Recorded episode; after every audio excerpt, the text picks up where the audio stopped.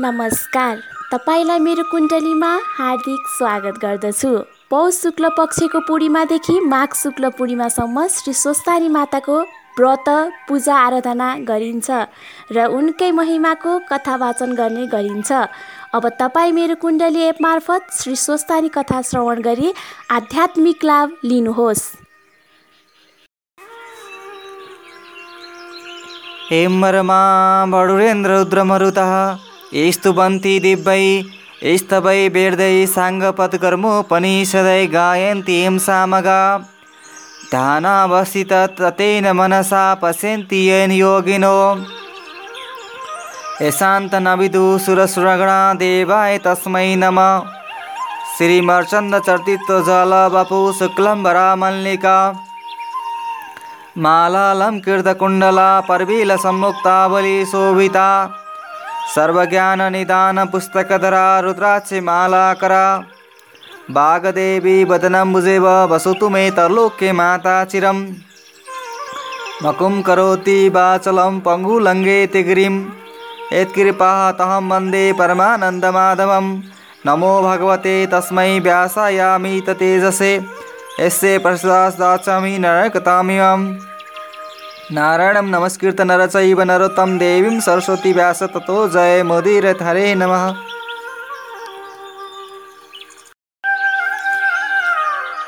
षोडश अध्याय।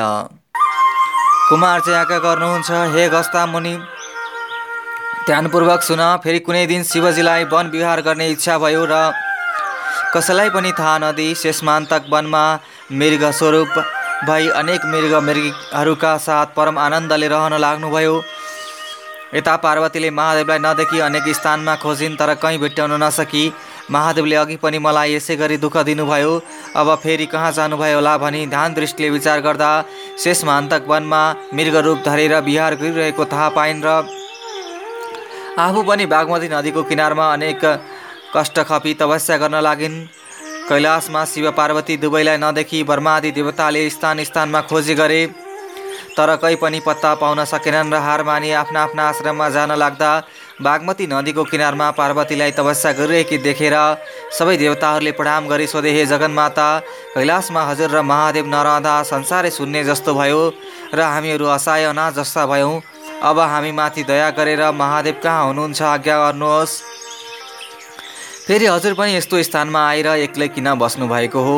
यी सबै कुरा हामीलाई आज्ञा होस्। यति देवताहरूको प्रार्थना सुनि पार्वती भन्नुहुन्छ हे देवता हो। महादेव यतै आउनुभएको हुनाले म उनैको आराधना गरेर यहाँ बसेकी हुँ। शेष मान्तक वनको नैऋत्य कोडमा एउटा जङ्गल र सरोवर छ। महादेव त्यही मृग स्वरूप भएर वन विहार गर्दै हुनुहुन्छ।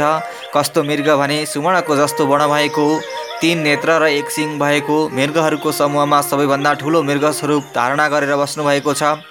अब तिमीहरू त्यहीँ गएर खोजी गर।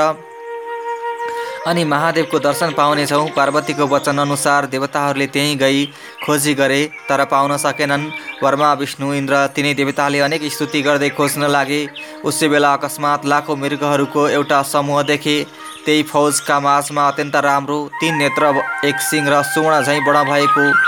सबैभन्दा ठुलो मृगलाई परैबाट देखे त्यस मृगलाई आफैतिर आउन लागेको यी तिनै देवताले देखेर अलिक नजिकै बिन्ती गरे हे भगवान् कैलाश सुन्ने भएको धेरै दिन भयो। यो हे दया सागर हामी त्रिदेव वर्मा विष्णु इन्द्रमाथि दया गरी दर्शन दिनुहोस्। यस्तै अनेक स्तुति गर्दै मृगरूप शिवका नजिकै गए। आफूतिर आउन लागेका देवतालाई देखेर रुद्र मृग उफ्री उफ्री भाग्न लागे। रुद्र मृगको त्यस्तो चाला देखेर विष्णु भन्नु भन्नुहुन्छ हे देवेन्द्र हामीहरूको प्रार्थनाले महादेव चैतन्य हुने भएनन्। अब हामी तिन व्यक्तिले तिन तर्फबाट घेरा दिएर समातौँ। विष्णुको यस्तो वचन सुनेर हुन्छ भने तिन देवताले तिनतिर उभि घेरा दिएर रुद्र मृगको सिंहको जरामा विष्णुले र माझमा बर्माले र टुप्पोमा इन्द्रले बलपूर्वक समाते। ती त्रिदेवले समाउन साथ रुद्र मृग अन्तर्ध्यान भए। सिंह मात्र त्रिदेवका हातमा रह्यो। त्रिदेवले बेसरी समातेका हुनाले त्यो सिंह तिन टुक्रा भई तिनै देवताका हातमा एक एक टुक्रा आयो। त्यस्तो भएको देखेर यो हामीले ठुलो अपराध गऱ्यौँ साह्रै अनर्थ भयो। अब के गर्ने भन्दै तिनै देवताले हे शम्भो हाम्रो यो अपराध क्षमा गरी बक्सियोस् भनी स्तुति गर्न लागे। ब्रह्मा विष्णु र इन्द्रले त्यसरी स्तुति गरेको देखेर दयाका सागर महादेव प्रसन्न भई ज्योति स्वरूपको दर्शन दिनुभयो। अनि देवताहरू खुसी भई दण्डवट प्रणाम गर्दा भई अनि महादेव आज्ञा गर्नुहुन्छ हे देवता हो तिमीहरूको स्तुतिले म प्रसन्न भए वर्मा ग। महादेवको त्यस्तो आज्ञा सुनेर वर्मा विष्णु र इन्द्र बिन्ती गर्दछन् हे प्रभु हजुरको ध्यान कहिल्यै पनि नबिर्सौँ सदा हाम्रो हृदयमा रहिरहोस्। अरू हामीलाई केही पनि वर चाहिन्न केवल हजुरका चरणको भक्ति चाहन्छौँ। देवताहरूको त्यस्तो वचन सुनेर महादेवले तथास्तु भन्नुभयो। फेरि तिनै देवताले भने हे ईश्वर यो हजुरको सिङ तिङ टुक्रा पारेको हामीहरूको अपराध क्षमा गरी यी सिङका तिन टुक्रा के गर्ने हो आज्ञा होस् अनि शिवजीले आज्ञा गर्नुभयो हे देवता हो मेरो सिङ तिन टुक्रा पारेको तिमीहरूलाई कुनै अपराध लाग्दैन र शङ्का मान्नु पर्दैन। बरु इन्द्रका हातको इन्द्रलोकमा वर्माको हातको मर्तेमण्डल नेपालको गोकडा भन्ने स्थानमा र विष्णुका हातको पातालमा लगेर स्थापना गर्नु। यति शिवजीको आज्ञा सुनि वर्मा विष्णु र इन्द्र तिनी देवताले दण्डवट प्रणाम गरी विदा भएर उपरोक्त तिनी स्थानमा लगी सिंह स्थापना गरेर आफ्ना आफ्ना आश्रममा गए अनि महादेवले सरासर गएर तपस्या गरिरहेकी पार्वतीलाई काखमा लिई त्यहाँबाट अन्तर्ध्यान भएर कैलाश पर्वतमा पुगी नन्दी भृङ्गी चतुखष्टी योगिनी भूत प्रेत पिचास प्रथमगढ सहित भई परम आनन्द साथ रहनुभयो। हे मुने त्यसपछि नृत्यकोणको लङ्कापुरीबाट दस शिर रावण नित्य गोकडामा आएर श्री महादेवका चरणमा दण्डवट गरी नाचगान गरी तपस्या गरेर जान्थ्यो। त्यही क्रमले निकै दिन बितेपछि एक दिन शिवजीले विष भाङ तत्रो खायो अचेत भइरहेको बेलामा रावण आएर दण्डवट गरी नाचगान र मृदङ्ग बजाई स्तुति गर्न लाग्यो र दिगम्बर शिव प्रसन्न हुनुभयो। अनि हे रावण तेरो तपस्या र सेवाले म प्रसन्न भई वरदान माग। जे मागे पनि दिन्छु मेरो निम्ति संसारमा अझै केही पनि छैन। महादेवको यस्तो वचन सुनि रावण भन्दा छ ईश्वर हजुरको कृपाले मसँग सबै वस्तु छ। मलाई केही पनि चाहिन्न रावणको त्यस्तो कुरा सुनि महादेवले फेरि आज्ञा भयो हे रावण केही एक थोक नमागी सुख पाउनस् लौ माग। शिवको त्यस्तो इच्छा बुझी रावणले मनमा विचार गर्यो अब मैले माग्ने कुरा के छ र माग्ने? महादेवका काखमा बसेकी सकल लक्षणयुक्त पार्वती नै माग्दछु? यस्तो निश्चय गरेर पार्वत बिन्ती गरे चढायो हे प्रभु मलाई अरू केही पनि चाहिन्न केवल एउटी पार्वती बक्सनुहोस् भन्यो र महादेवले लौ लैजा भनेर पार्वती जिम्मा लगाइदियो। रावण पनि जगन्माता पार्वतीलाई पिठमा बोकेर शिवजीसँग पितामाकी हिँड्यो। यो सबै कुरा वैकुण्ठनाथ विष्णुले थाहा पाए अनर्थ हुन आँट्यो भन्दै तत्काल हावाभन्दा पनि शीघ्र गतिले मोहिनी रूप धारण गरी रावण कहाँ पुगेर भन्नुभयो हे महाशय तिमी को हौ? कहाँबाट आइरहेका छौ? पिठमा बोकेकी सुन्दरी को हुन्? किन बोकेर ल्यायौ र कहाँ लैजाने विचार छ? रावणले भने सुन्दरी लङ्कापुरीको राजा रावण भनेको मै हुँ। मेरो तपस्याले प्रसन्न भई महादेवले मलाई आफ्नी स्त्री पार्वती दिनुभए र यी नै पार्वती हुन्। म यिनलाई बोकेर लङ्कापुरी जाँदैछु। यति रावणको कुरा सुनि मोहिनी भन्न लागिन् हे वीर रावण के तिमीलाई लाज लाग्दैन?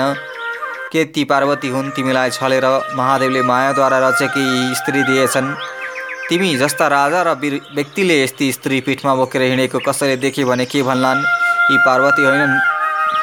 तिमीलाई महादेवले झुक्काएछन् बरु पार्वतीलाई जाने इच्छा भए म तिमीलाई पार्वती पाइने स्थान बताइदिन्छु। सुन महादेवले आसन गरिरहेको बाघको छालाभित्र साँच्चीकी पार्वती लुकाइरहेका छन्। त्यही मागेर लैजाऊ यति भनी अनेक हाउभाउ कटाक्षले छोपी मोहिनी रूप विष्णुले कुरा गर्दा रावणको चित्त बुझेर पार्वतीलाई त्यहीँ छाडेर आफू फेरि कैलाश पुग्यो। यता विष्णुले पार्वतीलाई वैकुण्ठ लागि पूजा र सत्कार गरेर राखे उता महादेवको चेष्टा भइरहेकै थिए। त्यसै बेला रावण पुगेर बिन्ती गरे हे ईश्वर हजुरले मलाई छलेर पार्वती भनी मायाले एउटी स्त्री बनाइदिनु भएछ। त्यो कुरा थाहा पाइ मैले बाटैमा फालेर आएँ। दिने इच्छा भए हजुरले आसन गरिराखेको बाघको छाला भित्रकी पार्वती दिनुहोस्। रावणले यति भनेको सुनि महादेवले ध्यान दृष्टिले विचार गर्दा पार्वतीलाई विष्णुले लगेछन् भन्ने थाहा पाई मायाले एउटी स्त्री उत्पन्न गरेर आसन गरिरहेको बाघको छालाभित्रबाट झिकेर लौ लैजा भनिदिनुभयो। रावण अत्यन्त प्रसन्न भएर माया रचित स्त्रीलाई पिठमा बोकी लङ्कापुरी गयो। यता विष्णुले पार्वतीलाई महादेव कहाँ पुर्याई वैकुण्ठ जानुभयो। कुमारजी भन्नुहुन्छ हे गस्ता मुनि एक चित्त भएर सुन। एक दिन महादेवले पार्वतीसित सल्लाह गरी मानसरोवर तलाउमा राजहंस भएर जल क्रीडा गर्न जानुभएको थियो।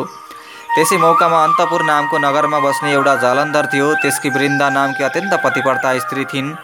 एक दिन ती दुवै पति पत्नी बसेर ठट्टा गरिरहेका थिए। त्यसै बख जालन्धर अकस्मात बेसरी हाँस्यो र वृन्दाले सोधिन् हे स्वामी किन यसरी हाँस्नु भएको जालन्धरले भन्यो हे वृन्दा तिमी जस्तै सुन्दरी पत्नी अरू कसकी होलिन् भन्ने लागेर हाँसेको हुँ।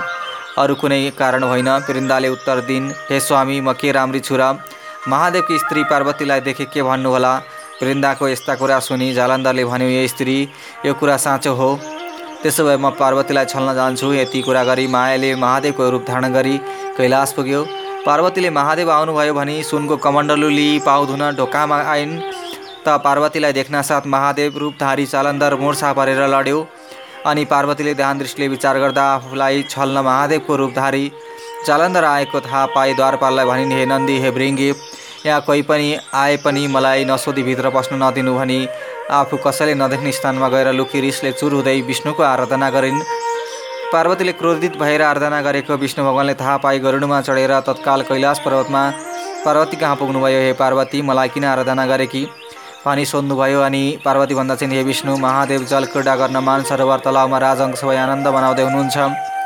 यही मौकामा मलाई छल्न महादेवको रूप धारण गरी पापिष्ट जालन्धर आयो र मैले थाहा नपाई महादेव नै पाल्नुभयो भनी पाउ धुन बाहिर ढोकामा जाँदा मलाई देख्न साथ मुर्छा परि भुइँमा ढलेको देख्दा महादेव भए मलाई देख्न साथ मूर्छित हुनु पर्दैन थियो।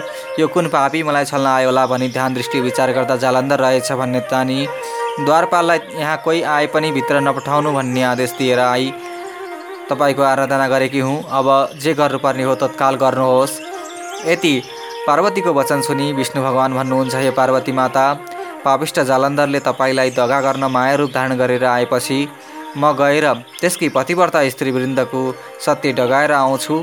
यसमा कुनै शङ्का छैन। म पहिले मानसरोवर गएर महादेवलाई यहाँ पठाइदिन्छु। यति भनेर पार्वतीसित विदा भई ठुलो बेगले मानसरोवरतिर जाँदा भए इति श्री स्कंद पुराणे केदारखण्डे माघमात्मे कुमार अगस्त संवादे श्री स्वस्तानी परमेश्वरी व्रतकथाय विष्णुमान सरोवर गमन नाम षोडशोध्याय हरे नमः।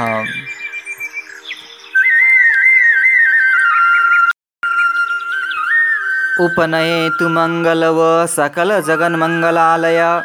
श्रीमान् दिनकरकिरण निबोधित नवनलिनदलनिवीक्षणः कृष्णकाले वर्षतु। पर्जन्ये पृथिवी सस्याशालिनी देशोऽयं शुभरहितो वर्माणा सन्तु निर्भया अपुत्रा पुत्रिण सन्तु पुत्रिण सन्तु पौत्रिण। निर्धना सदना सन्तु जीवन्तु सरदा शतं तत्रैव गङ्गा यमुना च तत्र गोदावरी सिन्धु सरस्वती च। तीर्थानि सर्वाणि वसन्ति तत्र यत्राच्युतद्वारा कथा प्रसङ्ग। या कुन्देन्तु तुषहारहारधवला या शुभ्रवस्त्रावृता या वीणावरदण्डमण्डितकरा या श्वेता पद्मासना। या वर्माच्युत शखरपरवृतिर्भ सदा वन्दिता। सामं पातु सरस्वती भगवती निःशेषजाटेपः। कायेन वाचा मनसेन्द्रियर्वा बुदत्मुना वा प्रकृतिस्वावत् करोमि यद्दत् सकलं प्रस्मै नारायण इति समर्पयेतत्। श्रीस्वस्थानि दिव्यार्पमस्तु